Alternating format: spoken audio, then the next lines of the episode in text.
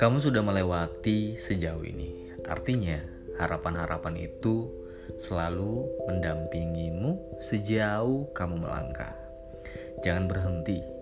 Tetaplah berjalan dan temukan harapan baru pada jalan selanjutnya. Ia tidak pernah meninggalkanmu. Ia hanya menguji seberapa serius dirimu dengan sesuatu yang sedang kamu perjuangkan. Laluilah ini semua dengan baik.